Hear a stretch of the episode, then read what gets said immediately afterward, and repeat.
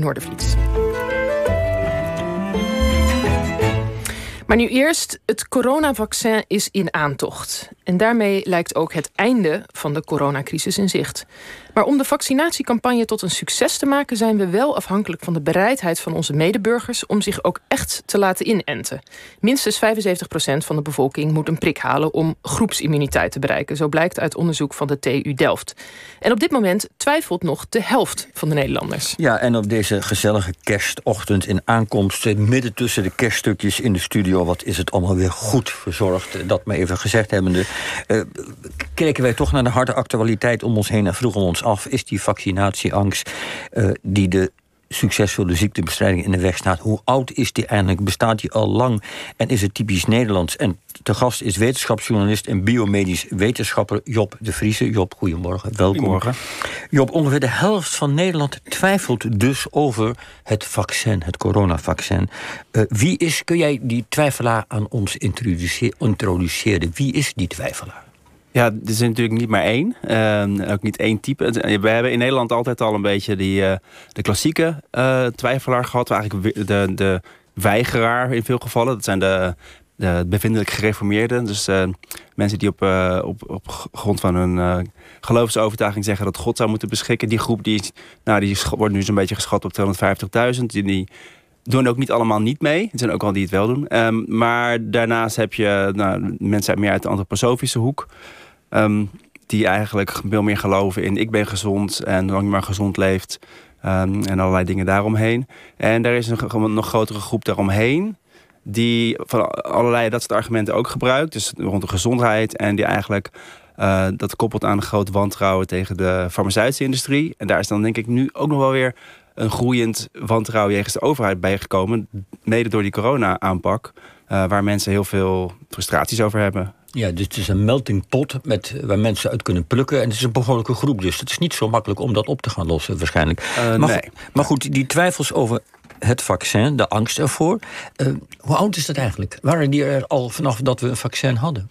Ja, In dat de algemene zin. van dan, alle tijden. Ja, Ja. vertel. Ja, nou ja, va- vaccinatie, of eigenlijk de voorloper van vaccinatie, dat heet- toen variolatie of inoculatie, dat is echt al eeuwen oud. Eh, de verhalen gaan echt terug tot in, eh, in vooral in China, in eh, eeuwen geleden. Ehm, het is heel onduidelijk hoe, hoe oud nou precies, maar in ieder geval rond 1500 waren ze er al mee bezig. En die, die verhalen kwamen een beetje door naar het westen. Ehm, en uiteindelijk is het in 16, 1796 dat nou ja, het beroemde verhaal van Edward Jenner, de Britse arts, die voor het eerst een, een, eigenlijk een andere stap zette. Hij had ontdekt dat eh, koeienmeisjes, eh, melkmeisjes die met koeien werkten, dat die niet ziek werden van de pokken, wat toen een van de meest beruchte ziektes was. En hij eh, heeft toen als eerste, ook zouden we ook ons niet meer kunnen voorstellen, maar op een klein jongetje dat uitgeprobeerd. eh, eh, eigenlijk gaf hij een krasje in de arm met een beetje van dat eh, van koeienpokken, Pus, zeg maar. toch, geloof ik. pus, Echt heel, heel van van onsmakelijk was dat nog Ja. in eerste instantie. En nou ja, dat jongetje was beschermd. Hij heeft hem ook daarna dus echt geprobeerd te besmetten. Nou ja, daar zouden we nu een medische ethische, commissie voor hebben. Maar, of eigenlijk tegen hebben. Um, maar, het- het- toen, um, maar ook toen al waren die geluiden er. Dus mensen, aan de ene kant was er de weerstand tegen het nieuwe. Dus er verschenen echt allerlei uh, afbeeldingen en verhalen over dat je de koeienoren van zou krijgen. En allerlei dat soort verhalen. Um, maar tegelijkertijd was er ook wel meteen een ander soort weerstand van... Goh, um, ja, is het middel niet toch nog gewoon gevaarlijk? En ook dat, in, in dat geval uh, was er best iets voor te zeggen. Het was echt vele malen minder gevaarlijk dan, dan de pokken zelf. Maar ja, het kon ook nog wel eens misgaan. De pokken zelf, daar ging je aan dood? Daar ging uh, toch grofweg wel uh, zo'n een derde in die tijd. En uh, 10%, 30% ging eraan dood. Uh, dat hang een beetje vanaf welke variant je had. Maar dat was, uh, dat was echt wel stevig. En dat was, daar was men echt doodsbang voor. Maar je zou zeggen, nou ja, dan komen ze met een vaccin. En dat is dan misschien nog een, een beetje onsmakelijk uh, op zo'n moment. Want ze zeggen van, goh, we hebben een soort pus wat we uit koeien halen. En als we dat nou op een wondje van jouw arm smeren... dan ben je beschermd tegen die pokken. Dus ik kan ook me voorstellen dat je dan in eerste instantie denkt... van nou, heb ik daar wel zo'n zin in. Maar tegelijkertijd, het biedt ook iets geweldigs. Namelijk ja. niet, niet de kans dat je die pokken oploopt die protesten, waar, ja, waren die dan gerechtvaardigd wat jou betreft? Of hoe kijk je daarnaar? Nou, nee, in algemene zin zou ik zeggen... die protesten waren niet gerechtvaardigd als in dat vaccin mm. moet weg. Of, uh, niet, uh, maar, maar wel dat je, dat, dat je kunt afvragen van kan het niet veiliger? Dat, dat speelt nog steeds. Dat je, soms, soms kan iets wel degelijk beter of veiliger. Um, en ehm, ja, wat je wat je, wat je op een gegeven moment ook kreeg, was dat het niet alleen een ding werd van jij kunt beschermd worden, maar als we het met z'n allen doen, kunnen we met z'n allen beschermd worden. En het werd ook in veel landen werd dat ook verplicht. Ook in Nederland kreeg je op een gegeven moment het, uh, het uh, pokkenbriefje wat je moest meenemen naar school. Dat speelde in de 19e eeuw. Um, en dat, dat leverde wel weerstand op. Maar dat was meer puur vanwege het feit dat de overheid het je oplegt. In Nederland kwam daar dan voornamelijk vanuit de, de christelijke hoek... De, en de zwaar, de zwaar christelijke hoek, zullen we zeggen, uh, weerstand tegen. Maar um, dan heeft het alweer een soort andere, andere connotatie. En dat zie je in deze tijd nog steeds. Dat in landen waar echt verplichting is... dat een deel van de weerstand daaruit voortkomt. Zoals in Amerika. Hier hebben we geen vaccinatieplicht. En dat scheelt dan ook weer in de weerstand. Maar zeg jij dan eigenlijk ook van dat, dat moeten we dus... als je kijkt naar die historische voorbeelden... Uh, zodra je het verplicht gaat stellen, dan roept het juist meer weerstand op. Betekent dat dat we dat ook eigenlijk niet zouden moeten doen nu? Wat nou ja, het is in principe een lastig besluit. Want ja, uh, je kunt er wel een hogere vaccinatiegraad door gaan bereiken... als je het gaat verplichten of als je gaat zeggen... je moet het doen als je naar school wil, zoals toen in Nederland werd gedaan. Uh, met, met de pokken dus oorspronkelijk. Um, maar het is, ik, ik ben zelf tegen een verplichting. Want ik vind dat je, uh, als je verplicht moet je gaan handhaven. En als je, als je het gaat aanraden, zoals we nu willen gaan doen... dan moet je, het gewoon, moet je mensen gewoon goed zien te overtuigen. En je zaakjes goed op orde hebben. Dat vind ik sowieso iets wat je zou moeten hebben in deze tijd. Ja. Had je toen ook wat je nu hebt? We hebben nu uh, corona-sceptici, mensen, uh, viruswaanzin, et cetera, et cetera. In, in die tijd, toen dat pokkenvaccin werd ingevoerd waren ook sceptici. Werd ermee gespot bijvoorbeeld? Werd er, nou, bij de pokken was dat niet zo erg, maar dat speelde wel bij andere ziektes. Uh, met name bij de mazelen. Wij hebben nu die discussie, maar dat speelde ook echt... Uh, toen het mazelenvaccin werd ingevoerd, is al veel korter geleden hoor. Dat is echt, uh, voor afgelopen, dat is echt in de 20e eeuw geweest, na de, na de oorlog. Maar dat was gewoon een normale ziekte. En, mensen, en de meeste kinderen werden er niet zo ziek van. Dus de mensen moesten echt overtuigd worden dat het wel degelijk beter was als de, meeste kind, als de kinderen het niet meer zouden krijgen. Omdat er wel degelijk een deel, net zoals wat we nu zien... een deel krijgt best wel heftige complicaties. Toen waren het ook nog eens een keer kinderen. Dus, uh, maar jij zegt eigenlijk, mazelen was een, een, normale ziekte... maar dat bedoel je niet in de zin van... nou, het was eigenlijk eh, gewoon een soort verkoudheid. Het was een hele ernstige ziekte. Maar ja, nou ja, ook dat, was voor de grootste groep... Was, uh, ook dat was voor de grootste groep niet ernstig. Okay, uh, dat vergeten we. Ook polio, hè? polio. Uh, 90% krijgt helemaal, bijna helemaal niks maar 1% raakt verlamd. En dat beeld is toch blijven hangen. Uh, en daardoor waren we ontzettend, zijn blijft een soort schrikbeeld, polio. Maar ook daar geldt eenzelfde vergelijkbare, enigszins vergelijkbare ziektepyramide voor als voor, uh, voor corona. Waar nu heel erg mee gespot wordt van, ach, alleen maar de kwetsbaren.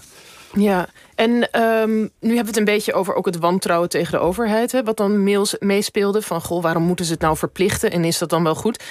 Uh, laatste tijd hoor je ook heel veel wantrouwen jegens de farmaceutische industrie. Dus het idee van oké, het, is door bedrijven gemaakt, die maken daar winst mee. Kunnen we dat wel vertrouwen? Is dat ook iets wat al langer speelt?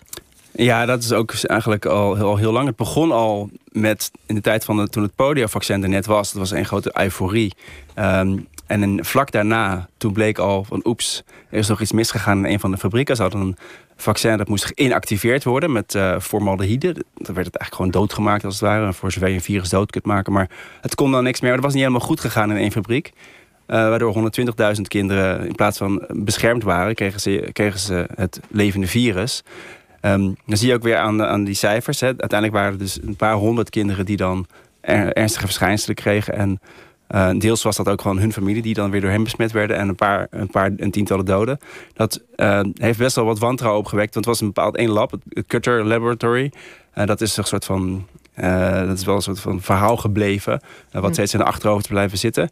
Het is niet zo dat toen daardoor heel erg het, um, de vaccinatiegraad en de bereidheid afnam. Gek genoeg gebeurde dat iets later wel, toen de ziekte begon af te nemen. Dus dat zie je, dat is een patroon wat je heel veel ziet. Dat je, je hebt eerst de ziekte, die, die, is, die heel ernstig. Um, of er is heel erg behoefte. Dat, nu hebben we ook. Hè. Er is niet per se. Niet iedereen is ervan overtuigd dat de ziekte erg is. Maar iedereen is wel overtuigd dat het een vreselijke situatie is waar we in zitten. En dan is er een hele grote bereidheid uiteindelijk. Daarom verwacht ik dat ook wel. Maar daar komen we zo meteen nog wel op misschien. Dat ze wel veel mensen gaan, zullen gaan uh, willen prikken. Maar dan op een gegeven moment neemt de ziekte af. En dan gaan mensen meer letten op. Goh, het heeft toch wel bijwerkingen. Goh, er zijn toch wel... Uh, of misschien, misschien heeft mijn kind het wel niet nodig. Of heb ik het wel niet nodig. En dan zie je die bereidheid afnemen. En dan kan het op een gegeven moment weer zo ver gaan dat er weer een uitbraak komt. En dan zie je die bereidheid weer omhoog gaan. Maar je zegt dus, er is een soort grappige paradox in zekere zin. Want zelfs met dat polio, zelfs als er wat misgaat men wist nog hoe vreselijk het was. Die kinderen die met in, in ijzeren longen moesten zitten, die verlamd raakten, al dat soort ellende. Men wist nog hoe erg dat was. Dus dan, dan was men nog ietsje meer bereid om een risico te nemen. Met dat vaccin zou je kunnen zeggen. Ja. En later, als die herinnering een beetje wegzakt. Ja, en niet alleen de herinnering. Het, ik, ik vind het ook best wel in die zin ook rationeel. Het heeft wel erg rond het kinkhoestvaccin gespeeld in de jaren 70, jaren 80. Uh, met name in, in de Verenigde Staten en ook in Engeland kwam er heel veel kritiek. Omdat het vaccin was best wel pittig. Dus kinderen werden er echt behoorlijk uh, ellendig van een paar dagen. En eigenlijk vind ik het best een heel logische vraag om te zeggen van... is er geen beter alternatief? Alleen als er vervolgens... Wat, in Zweden is dat toen helemaal van de markt gehaald, dat vaccin. En dan kreeg je enorme uitbraken. Dat wil je nou ook weer niet. Dus dat is constant een balans tussen... oké, hoeveel ruimte geven we aan kritiek... Uh, aan kritische geluiden. Die, ik vind dat die er echt moeten zijn. En, maar wat zijn dan de gevolgen als dat te ver doorslaat? En dat is nu natuurlijk in tijden van social media nog veel erger geworden. Ja, ja, want als je zegt van ook bijvoorbeeld dat incident wat ze dan hadden rondom dat poliovaccin, als er iets misgaat. Het is ook vaak zo in het algemeen, er moet eerst een ramp plaatsvinden, er moet eerst een watersnoodramp zijn en dan gaan we de deltawerken bouwen. Is het nou ook zo dat omdat het dan toen is misgegaan, dat we toen veel veiliger zijn gaan werken of zo? Of? Ja, het is, het is nu een van de meest gereguleerde industrieën ter wereld. Uh, als je ziet wat er, aan, uh, wat er aan protocollen en regels is, puur alleen al voor de fabricage. Hè? Dus wat ze, dan moeten ze een vaccin opzij leggen om te kijken hoe, of het even stabiel blijft. Alles, al dat soort dingen, dat is allemaal gevolg van dingen die misgegaan zijn en alle, alle commotie daaruit, die daaruit ontstaan is. Dus ja, er is af en toe een uh, ramp nodig, zou je bijna zeggen, om het beter te maken. En da daardoor zitten we nu wel echt in een beter, betere situatie dan toen. Ja, maar is, je zegt een betere situatie, maar is het misschien zo dat de regulering nu zo strak geworden is dat daardoor heel lang duurt allemaal. Want het vaccin is al, geloof ik, een jaar geleden bijna of iets dergelijks. Ja, klopt. Sommige van de vaccins. Uh, ontwikkeld in den beginnen. Dus zijn we niet te voorzichtig aan het worden? Hoe, um, nou ja, nee. Geschiedenis, want de geschiedenis kan ons natuurlijk ook juist een foutpatroon in ons hoofd doen mm -hmm. ontstaan. Hè? Ja, klopt. Nou ja, als je mensen vraagt die, die zelf in die sector werken, zeggen je wordt helemaal gek van alle regels en het schiet door. Maar dat dit zo lang duurt, heeft vooral mee te maken dat je, zeker als je met een nieuwe techniek werkt, zoals een aantal van die nieuwe vaccins van Pfizer en van uh, Moderna, wil je toch ook weten of het niet op grote schaal iets heel vervelends doet wat je niet had voorzien. En daarom wil je het, ja, begin je eerst met een kleine groep mensen, eerst, met, eerst nog daarvoor in het lab en dan in, dieren, dan in een kleine groep mensen, dan in een grotere en dan een nog grotere groep. Je kunt niet alles uitsluiten, maar alle dingen die veel voorkomen, wil je toch ook wel echt uitsluiten. Want dan kan het echt erger worden dan de kwaal. Dat wil je gewoon niet. Maar dus ja, dat duurt gewoon en dat hebben ze al zoveel sneller gedaan dan normaal. Dus ik vind dat dit wel zo'n beetje het minimum is. Maar als je nu naar Nederland kijkt. De Engeland, daar wordt nu al ingeënt. Ja. En wij, onze wetenschappelijke groep die dat moet doen... ik ben even de naam kwijt hoe ze heten. De EMA. Uh, ja. Precies. Die, die eind december komen ze geloof ik met een soort rapport. Ja. En denk je toch, Hoezo? Want het is in Engeland goed onderzocht. Waar, waar, zijn wij misschien toch een beetje te laks? Mm. Of wij, uh, zijn we niet te voorzichtig? Het heeft een beetje met uh, bureaucratie te maken ook. Volgens mij, als ik het goed heb begrepen, moet in Europa worden er twee landen worden beoordeeld. De rest moet daar dan uh, over meepraten. dus dat heeft ook wel daarmee te maken. De Engelsen hadden bepaalde gegevens net iets eerder. Zij gaan, dit is ook politiek, hè? Zij, willen, zij wilden heel graag laten zien van, nou, dit is een beetje Brexit vooruitblik. Ze hebben een, manier gevonden om daar vast een soort van, van te kunnen profiteren. Uh, ja, uh, wij gaan nu ook zien wat ze daar in de eerste groepen mensen uh, gaan zien. nu wordt het natuurlijk grootschaliger toegepast. Dus wij profiteren in die zin ook van, van hun vooroplopen. Ja, dan dus moeten we maar een paar weken. Het is een paar weken nu. Hè. Het is ook weer niet dat we nu jaren achter de feiten aanlopen. Ik ja, maar het gaat toch om het beeld ja. beeld wat je als ja, overheid is, uh, dat is heel laat zien. Dat beeld. Want het beeld wat onze overheid een beetje dreigt te laten zien... is steeds van, jongens, loop vooral niet te hard. Rustig aan, stap voor stap. Ja. Is dat wel een verstandig beeld in dit soort situaties? Mm, ik denk juist dat ik we begonnen met uh, dit item met die 50% die nog twijfelt. Ook juist over waarom het is zo is. Het wel, kan het wel zo snel, kan het wel zo veilig. Dat je daar dan ook echt heel veel aan moet doen... om te laten zien dat je aan allerlei dingen gedacht hebt. En alle mogelijke dingen waar je aan kunt denken. En... Uh, ja, de Engelsen hebben dat blijkbaar ook gedaan, maar ja, wij doen dat ook echt wel zo goed mogelijk. Ik denk dat, ja, dat dat ook wel een les van de geschiedenis is.